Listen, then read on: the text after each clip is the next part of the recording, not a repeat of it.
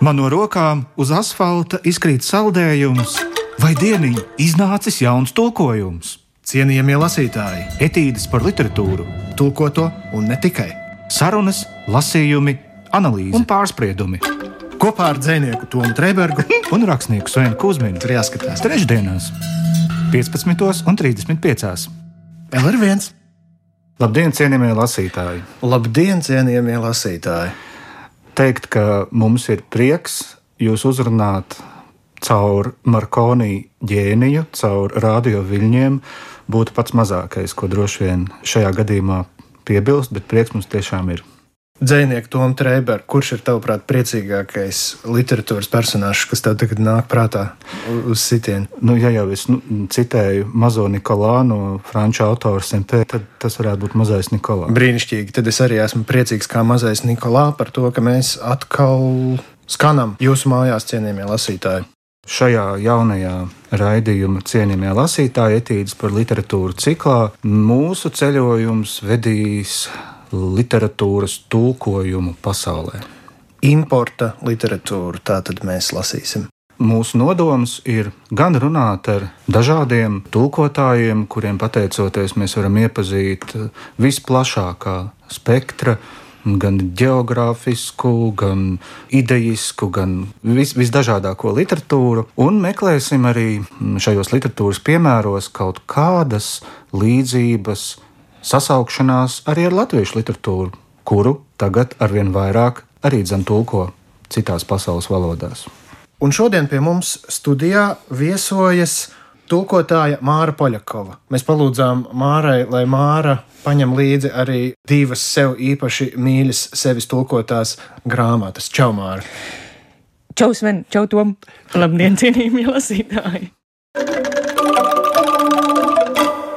Māru vēlējāmies uzrunāt galvenokārt tieši vienas specifiskas grāmatas dēļ, par to nedaudz vēlāk, taču Māras veikums tulkotājas darbā ir patiesi apbrīnojams, un tur vienopus mēs redzam gan kvantitatīvos, gan kvalitatīvos rādītājus. Jo... Jā, tas bija vienkārši neticami. Vēl pirms kaut kāda laika, lasot tavu dosjē, es sāku skaitīt, cik grāmatu tu esi iztulkojis 2019. gadā, un es baidos tagad samalot, bet man liekas, tur bija kaut kāda 8435, kaut kas tam Tas ir līdzīgs. vienā gadā, nē, jau.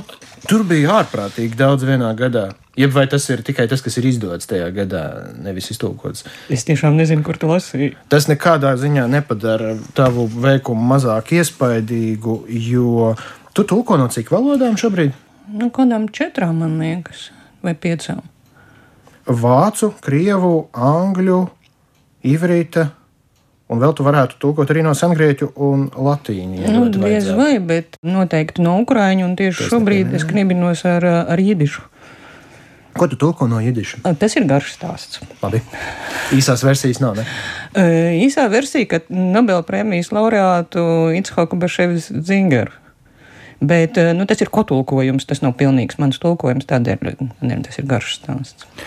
Nevienu reizi vien kaut kādās sarunās uh, ir izskanējis tas jautājums par to, kas tad īsti ir jidišs un kādas valodu grupas uh, šajā valodā satiekas. Vai tu vari lūdzu mums iedot to gaismas staru, lai mēs uh, arī mūsu cienījamiem klausītājiem varam dot tādu skaidrojumu par jidišu? Zinātnieki jidišu pieskaita ģermāņu valodu grupai, jo uh, lielākā daļa teiksim, no vārdu krājuma un teiksim, gramatikas pamati ir no kaut kāda vēsturiskā uh, vācu un holandiešu teiksim, attīstības posma. Tad ir paliels slāvu elements, krievu, ukraiņu, baltkrievu elements, un tad ir semītiskā daļa. Senebreju valoda un aramiešu valoda tur ir iekšā drusciņi. Tā mazāk skar uh, sintaksi, mazāk skar morfoloģiju, bet nu, tīri vārdu krājumu ziņā. Foršākais ir tas, kā vienā vārdā satiekas, teiksim, visi trīs varbūt šie elementi, vai, nu, teiksim, ļoti bieži satiekas divi, ka ir vācu sakne un slāvu piedēklis, piemēram, vai, vai senebreju sakne un, un vācu galotne. Tas šausmīgi aizraujoši to lasīt. tulkot praktiski neiespējami, jo to vairāku valodu sastapšanās kaifu jau latviešu nekādu nevar atdarināt. Bet pastāsti, lūdzu, kāda ir tā īdieša literārā ainava, ja tā var izteikties šodien. Jo, nu, cik es saprotu, tad Izraēla literatūra tomēr pārsvarā ir ivritā mūsdienās. Izraēla literatūra ir tikai ivritā, tikai jo, nu, teiksim, Izraēlā uh, citas valodas īsti netiek atzītas gan politiski, gan, nu, gan vēsturiski iemeslu dēļ. Es neesmu pārliecināta. Man liekas, ir cilvēki, kas šobrīd raksta jidišā, vēl, vēl aizvien, bet viņi nedzīvo Izrēlā, protams, viņi dzīvo kaut kur diasporā. Bet ir jāņem vērā, ka tie, kuri rakstīja jidišā, lielākā daļa aizgāja bojā. Un, un teiksim, viņi pēctečiem ar šo valodu arī tāpēc vien bija sarežģītas attiecības. Bet ir diža, diža jidiša Eh, literatūra, kas ir sakrājusies. Varbūt viņi neattīstās šobrīd, bet ir fantastisks dzinieks, Iciks Mangers, piemēram, kurš rakstīja Jidišā. Viņš dzīvoja, starp citu, vienā pilsētā ar Paulu Cēlānu un ar Bruno Šulcu. Lūk, tāda. Cēlāns un Šulcs rakstīja vāciski, un Iciks Mangers rakstīja Jidišā. Kad tik tur nedzīvoja vēl arī dzinieks Roza Auslender, bet nu, to es vairs neatceros. Tu iezīmēji vienu tādu tēmu, par ko nu, es domāju, ka katrs, kurš tulko uz latviešu valodu, ir saskāries vienā vai, vai otrā dzīves posmā. Ir kaut kādi uh, valodas ierobežojumi, pret kuriem gribot, negribot, agrāk vai vēlāk būs jāatdurās. Nu, piemēram, tulkojot no angļu valodas, var diezgan viegli iekrist tādās lamatās, ka latviešu valodā neeksistē vārdiņš limbs, piemēram. Lūdzu, uzreiz pieprasu kaut kādu tulkojumu. Tā nav jau neeksistē, es saku. Krieviski tas būtu kaņečnesti, latviski varētu teikt ekstremitātes. Latviski galvenais. Latviski jā. tas nav, tur jau tā problēma - rokas un kājas, kājrokas, es nezinu. Uh, nu, kādas ir. Uh, lielākās uh, problēmas, ar ko tulkotājs vispār var saskarties savā darbā? Viņas nāk nemitīgi. Katrā tekstā viņas ir jaunas, un nu, pat es ilgi spēkojos ar tādām smieklīgām problēmām, kā krieviski lūk. Ir nogoķi, kogoķi, un kas vēl tur ir, vēl kaut kāda. Latvijas tas viss ir naks. Ja? Jā, tikai naks. Kopītu, jā. un man vajag parādīt, ka tie ir dažāda veida nagi. Jā. Mm, tu tur viss visādi tu tur izlokies, lai tie nagi nebūtu pilnīgi vienādi kaķim, putnam un, un antilopei. Ja? Jā, taisnība. Tas pats laikam bija arī ar zemi, vai ne? Nu, jo ir jau angļu valodā ļoti dažādas zemes. Zeme, planēta, zeme, melnzeme un tam līdzīgi. Lūk, lūk, lūk. Nu, vai arī tā situācija, piemēram, kur tā droši vien ir mazliet cita veida tulkošanas problēma, kur varbūt rakstnieks vai teksta autors pats līdz galam nav sapratis, ko viņš ir gribējis pateikt. Par to man acu mirklī nenāk nekas prātā. Bet... Kā mēs gaitenī tikko ar tevi par to runājām? A, nē, labi, tas, tas neskaitās. Tas neskaitās. Tas, ir, tas vienkārši ir sīkums salīdzinoši. Ja? Bet, nu, sīkums teiksim, salīdzinoši. Ir, ir problēma ar to pašu. Kas jau sīkums? salīdzinoši. Atgriežoties pie tēmas par, par semītiskām lietām, ja, nu, teiksim, tas, kas angliski ir hebrew, piemēram, un, un, un vāciski ir hebrejš, un, un ivritā galu galā ir ivrit, mums latviski dalās senebreju valodā un ivritā. Un tur pa vidu it kā nekā nav. Ja? Un man nesen bija tekstā situācija, kur bērns bērnībā ir mācījies senebreju valodu, un tad viņš ir sācis rakstīt Kamīs ebreju valodā? Nu, taču nē.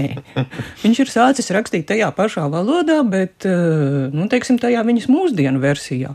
Un man būtu jāraksta, ka viņš ir mācījies senebreju un sācis rakstīt ivritā, pēkšņi no zila gaisa ieguvis citu valodu. Jaunu senebreju valodu. Nu, es mēdzu teikt jaunebreju valodu, ja, lai, lai, lai to kontinuitāti kaut kā nu, pilnīgi nepazaudētu, lai neliktos, ka tās ir divas pilnīgi dažādas valodas. Bet kurā brīdī, lūk, mēs novelkam robežas starp vienu un otru kaut kādā pilnīgā patvaļībā savā, ja?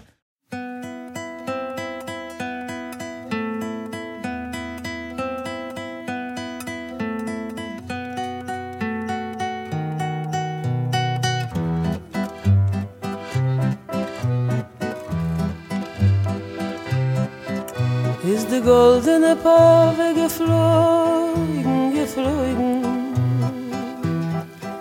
Und die Nacht hat geöffnet die goldene Augen. Lichtiger meiner Schlaf war.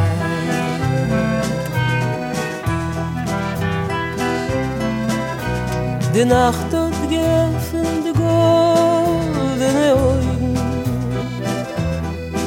Bin ich auf Fiedel geworden und du der Beugen.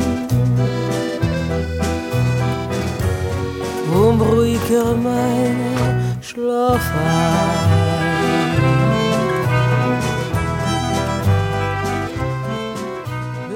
Un tā tad grāmata, kuru jau pieminēju raidījuma sākumā, kas ir tas iemesls, kāpēc aicinājām uz sarunu tieši tevi, Māra, ir izdevniecības orbīta bibliotēkā izdotā Leonīda Dabīčina grāmata Enpils, kas ir 1933. gadā sarakstīts darbs, par kura darbības vietu tiek uzskatīta mūsdienu Daugavpils. Leonīda Dabīčina Enpils ir sarakstīta maza bērna valodā. Nu, proti, viņš ir maziņš puika, šīs Dabīčina literārais varonis, kurš, cik es saprotu, ir ļoti spēcīgi balstīts uz viņa paša piedzīvojumiem. 20. gadsimta sākumā. Jā, laikam kaut kādu pirms revolūcijas gadu, ja es pareizi Jā, jā, jā, jā, jā. Nu, tur, nulto. Tur ir drusciņi arī no revolūcijas. Div, nu, jā, 20. 20. gadsimta pirmie gadi, bet šī mazā bērna intonācija.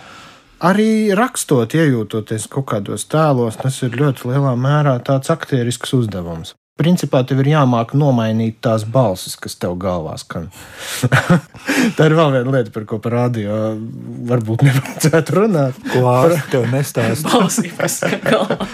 Jā, nu, lūk, tās balsis, kas tev galvā skan, tulkojot, kā viņas darbojas, nu, tīri intonatīvā, varbūt eh, ziņā. Nu, Enpelī taču tas bija ļoti svarīgi. Ar Enpili ir sarežģīti. Mm, tu saki, ka tas ir nu, tā maza, maza, maza zēna balss. Patiesībā tā, protams, ir. Kā lai saka, viltota maza bērna balss. Tā Nu, nav autentiska. Tā ir fiktīva, jā, maza zēna balss. uh, Autors diezgan caurspīdīgi tēlo to mazu zēna balsi. Proti, tur visu laiku ir tās abas balsis patiesībā. Ja? Gan, gan pieaugušā rakstnieka pozīcija, kuru viņš izpauž, teiksim, tēlojot šo mazo zēnu, gan, nu, gan tas autentiskais zēns, kurš tur vairāk vai mazāk veiksmīgi parādās. Nu, jā, un tad, lūk, esmu es ar tām balsīm, kas skan galvā. Nu, Tas jau tāds profesionālisms jautājums patiesībā. Mēģināt pieskatīt, lai neielien manas intonācijas, teiksim, jā, vai, vai uzmanīties no, no mana vārdu krājuma, ne, neuztiept viņu citiem cilvēkiem, autoriem, piemēram. Enpils gadījumā vārdu krājums ir stipri jāierobežo. Enpils gadījumā grūtākais, jā, lūk, tas, kāpēc man likās, ka tas ir ne, netolkojami, ir gan ierobežot vārdu krājumu, gan, gan visu laiku atteikties, pat nevis atteikties kaut kā apspiest savus priekšstats par to, kādam ir jābūt labam teikumam. Mums katram ir, nu, mēs kopš skolas un viss tas, tas izlasītais materiāls, ko mēs esam izlasījuši dzīvē, ja, mums ir katram pilnīgi skaidrs priekšstats, kādam ir jāizskatās labam latviešu teikumam. Šajā te grāmatā, man liekas, es ļoti ceru, ka tur ir ļoti maz labu latviešu teikumu, jo es ļoti centos, lai viņi tur nebūtu. Tur oriģinālā ir arī ļoti maz pareizu un labu krievu teikumu. Lūk. Tā. Lūk, lūk, lūk. Māra, varbūt tu vari nolasīt eh, kādu nelielu fragment no Enpils, un mēs tikmēr klusu dziedāsim fonā. Mūsu balss galvās dziedās. Labi, liksim, liksim, lai padzied fonā kaut kas cits.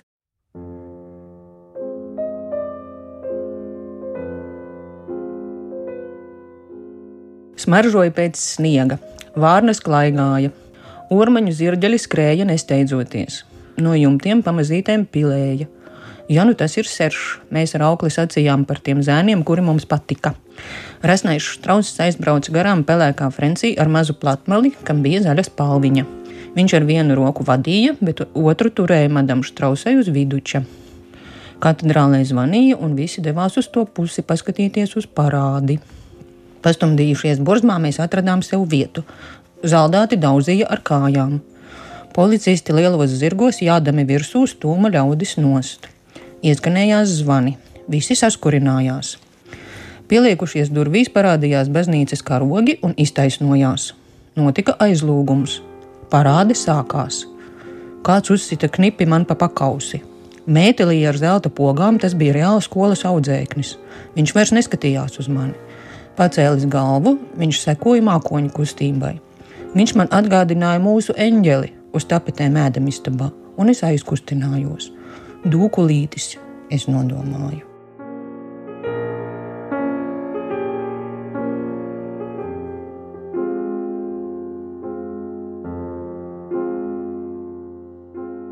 Es aizkustinājos, cik tas ir labi. Vai šī gadījumā nebija tā daļa, kur oriģinālā bija tā kā tiešā runa? Bom zvanīja katedrālē, vai jeb tas bija citur kaut kur? Uh, tas varēja būt citur, jā. Bom Nu, zvanīja v kolakalu, man šausmīgi patika. Oi, nu es jau būtu tā notolkojusi, ja šī būtu tā vieta. Jā. Cienījamie lasītāji, par Leonīdu Dabīčinu romānu Enpils mēs runāsim nākamajā raidījumā. Un, Māra, šodien tu arī esi paņēmusi līdzi uh, vēl kādu savu tulkotu darbu. Lūdzu, pastāstīji, kas ir šis izdevums. Es esmu ieradusies ar vienu jaunu grāmatu, tātad šodien Dabīčina Enpila un ar vienu vecu grāmatu. E, Šis ir mm, 2011. gada apgādā dienas grāmata. E, Izdotais pirmais sējums no Edvarda Vitmora Jeruzalemes kvarteta. Pirmo sējumu sauc Sināja Gobelēns. Jau nākdama šurp, es sapratu, ka uh, abām šīm grāmatām ir mm, ne tikai atšķirības, bet arī kaut kas kopīgs. Gan Dabīčins, gan Vitmors ir gandrīz pilnīgi nezināmi rakstnieki. Dabīčinu uh, Latvijā vismaz kaut, kaut drusciņu pazīstu, uh, tāpēc, ka viņš ir dzimis, nu, tomēr Ludzā. Jā, Ludzā. Lūdzu, Jā, jā, jā. lūdzu, jā. Jā. Bet, nu, Vitmoru nepazīst gandrīz neviens un gandrīz nekur, iz, izņemot tos, kuri viņu nejauši ir atklājuši un kopš tā paša brīža uzskata par labāko, ko viņi savā dzīvē ir izlasījuši. Ak, tā. Jā, Vai tas būs labākais, ko mēs izlasīsim? jā. Ak, Dievs. Uzdevums pieņemts. Es drīkst, es sākšu ar, ar, ar pirmo teikumu, un pēc tam mēs parunāsim. Es, es, otrā, Jā, es vispirms ok, okay, ok. izlasīšu. Okay. Varbūt, ka mums pēc tam nekas vairs nebūs jārunā. Šis arābu ebrejs vai ebreju arābs, kura īpašumā gadsimta mijā atradās visi vidējie austrumi, savu mūža agrīnos gadus nodzīvoja uz mata tāpat, kā 650 gadu bija dzīvojuši viņa angļu senči. Vai nav labi? Katrā ziņā ir ļoti labi. Kādu, kādu birku uh, žanrisko tu gribētu šai grāmatai pievienot, un, ja tas ir neiespējami, tad kāpēc? Nu, tie nedaudzie kritiķi, kas par viņu ir rakstījuši, jo Vitmors, Vitmora uh, romāni palika gandrīz nepamanīti. Daļai tāpēc, ka viņi iekrīt spraugās starp žanriem, protams, bet nu, tie nedaudzie kritiķi, kas rakstīja to, to uzdod par maģisko realismu. Es īsti nezinu, varbūt jā. Maģiskais realisms to parasti liek klāt, tad, kad nezina, ko Tieši tā, pateikt. kad nezinu, ko pateikt, kad, kad tur viss ir īsts, bet, Bet atkal nav vienmēr. bet kaut kāds jocīgs, kaut kāds neparasts, un tur ir vairāk nekā īsts. Jā.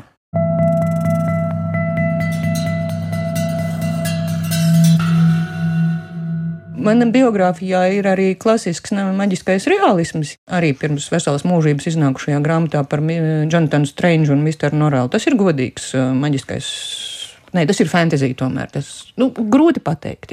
Vitmors maģisks viņš ir tāpēc, ka tur ir kaut kāds pasakas elements. Vai, ja? Tādā veidā mēs iegūstam to maģiskumu šajā, šajā Jā. definīcijā. Ja? Jā.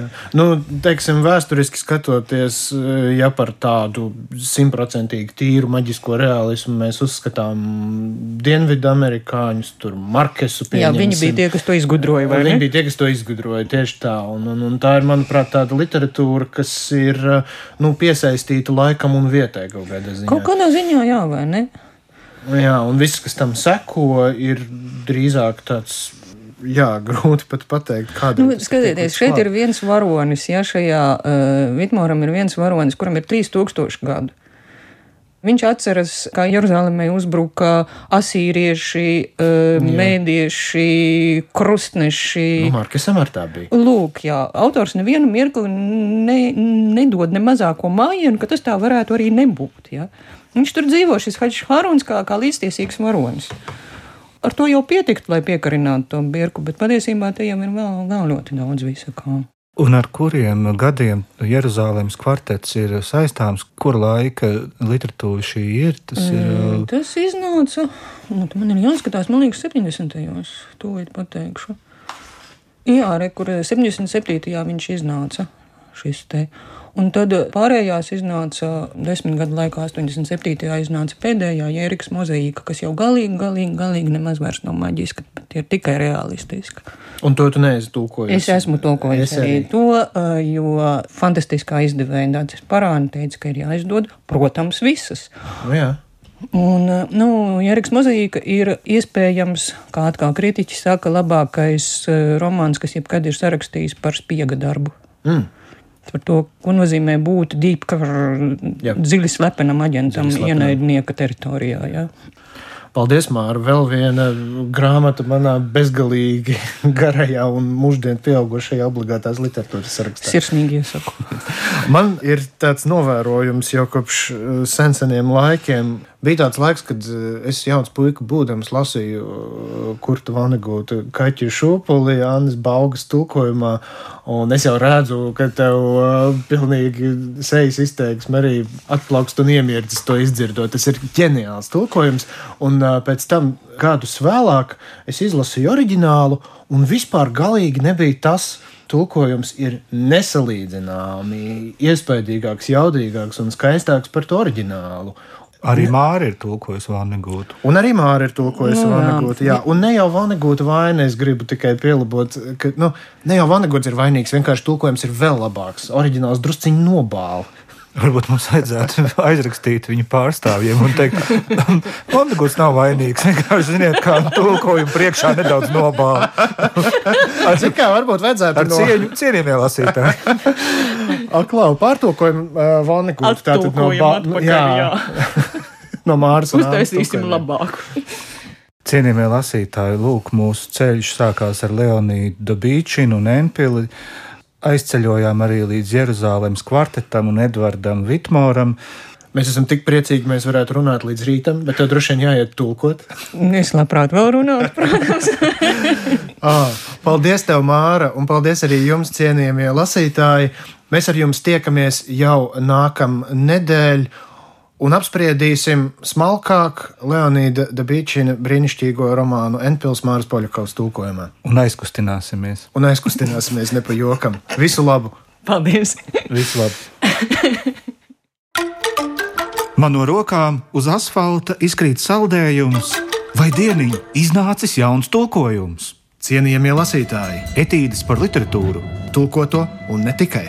sarunas, lasījumi, analīze un pārspriedumi. Kopā ar dzinieku Tomu Trēbergu Un rakstnieku Svenu Kusminu tur jāskatās. trešdienās, 15.35. Vēl ir viens!